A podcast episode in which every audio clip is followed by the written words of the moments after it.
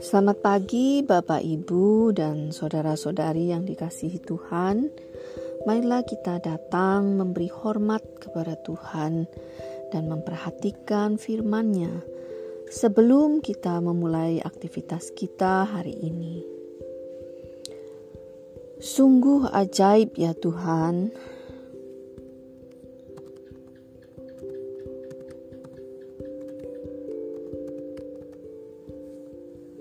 hidup yang kau berikan kepada kami, kami tidak bisa membuatnya.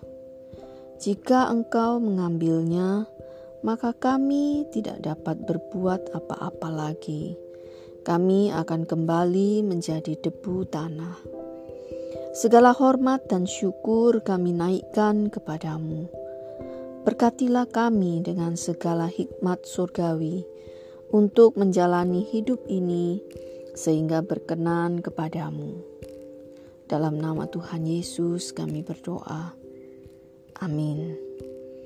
Kita merenungkan pasal 14 dari kitab Injil Yohanes. Ada banyak hal yang baik yang Tuhan Yesus singkapkan kepada kita di pasal ini.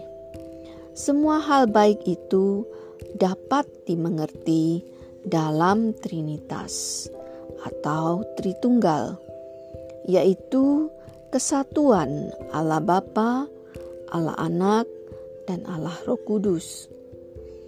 Tuhan Yesus menyatakan keterkaitan berkat-berkat rohani yang luar biasa bagi orang-orang yang percaya kepada Tuhan Yesus atau murid-murid Tuhan Yesus.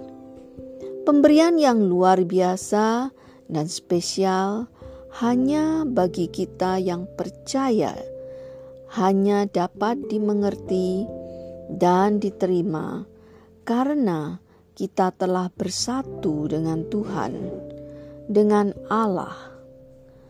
Mari kita melihat satu persatu. Seperti halnya Filipus, kita tidak merasa mengenal Allah Bapa karena kita tidak bisa melihat Allah Bapa dan tidak disebutkan secara khusus perbuatan-perbuatan yang dikerjakan Allah Bapa. Kita banyak diberitahu oleh Tuhan Yesus tentang Allah Bapa, terutama tentang kasihnya kepada manusia. Tuhan Yesus yang adalah Allah Anak menunjukkan bahwa melihat dan mengenal Tuhan Yesus itu sama dengan melihat dan mengenal Allah Bapa. Tidak ada perbedaan sedikit pun, kecuali dalam hal tubuh manusia yang dimiliki oleh Allah Anak atau Tuhan Yesus.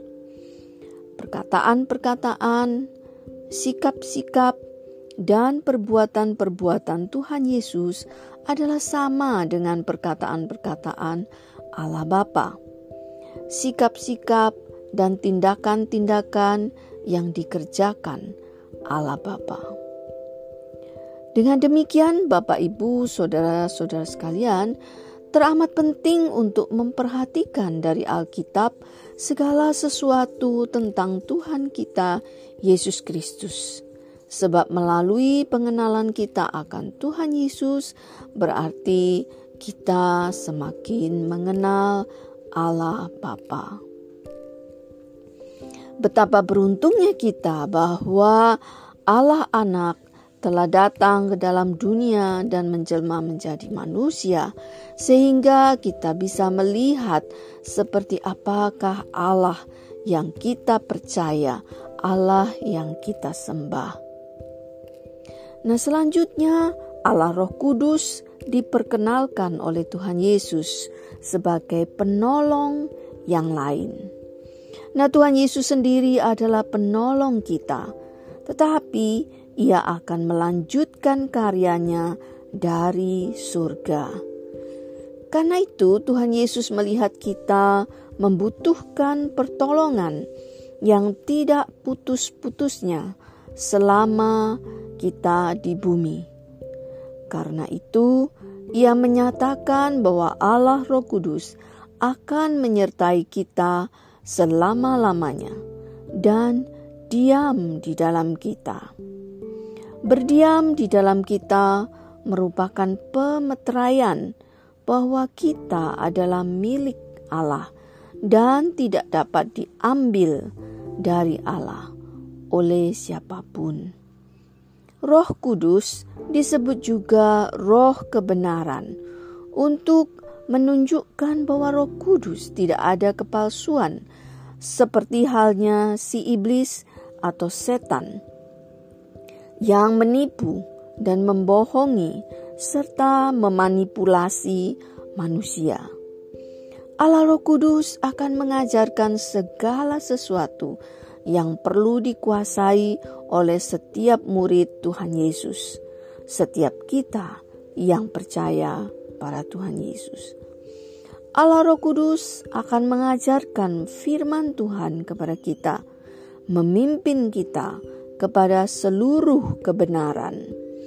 Jika Bapak, Ibu, Saudara mau membaca firman Tuhan, sangat penting untuk berdoa agar Allah Roh Kudus menerangi pikiran kita dan hati kita, membuat kita mengerti firman Tuhan.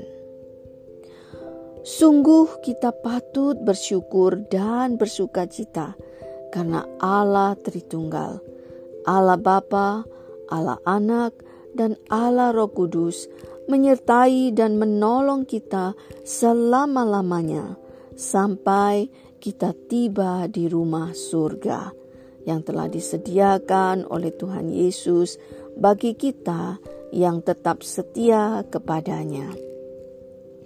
Bapak, ibu, saudara, janganlah takut dan khawatir oleh apa pun juga yang dapat menyakiti kita tetaplah beriman dan mengasihi Tuhan Yesus, Allah Tritunggal, setia kepada kita. Amin.